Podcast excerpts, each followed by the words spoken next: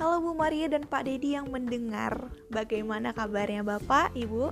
Helen doain ya sehat selalu supaya kita bisa bertemu sampai tatap muka nanti. Oke, kali ini Helen mau menjawab pertanyaan sekaligus menjelaskan sedikit berdasarkan pemahaman Helen mengenai di mana sih letak suatu iklan dalam marketing mix. Jadi bisa kita katakan iklan dan marketing mix ini punya suatu hubungan ya. Jadi iklan merupakan bagian dari bauran promosi atau promotion mix yang di mana bauran promosi tersebut juga merupakan bagian dari bauran pemasaran atau marketing mix.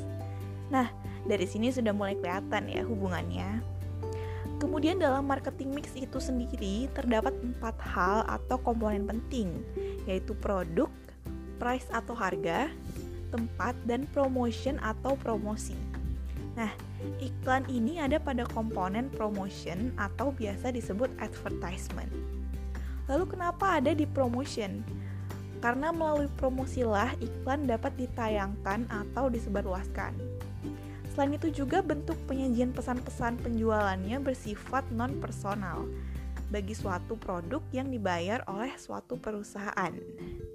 Um, sekian Bu jawaban mengenai letak iklan dalam marketing mix. Mohon dimaklumi ya Bu apabila ada kesalahan atau ketidaktepatan kata.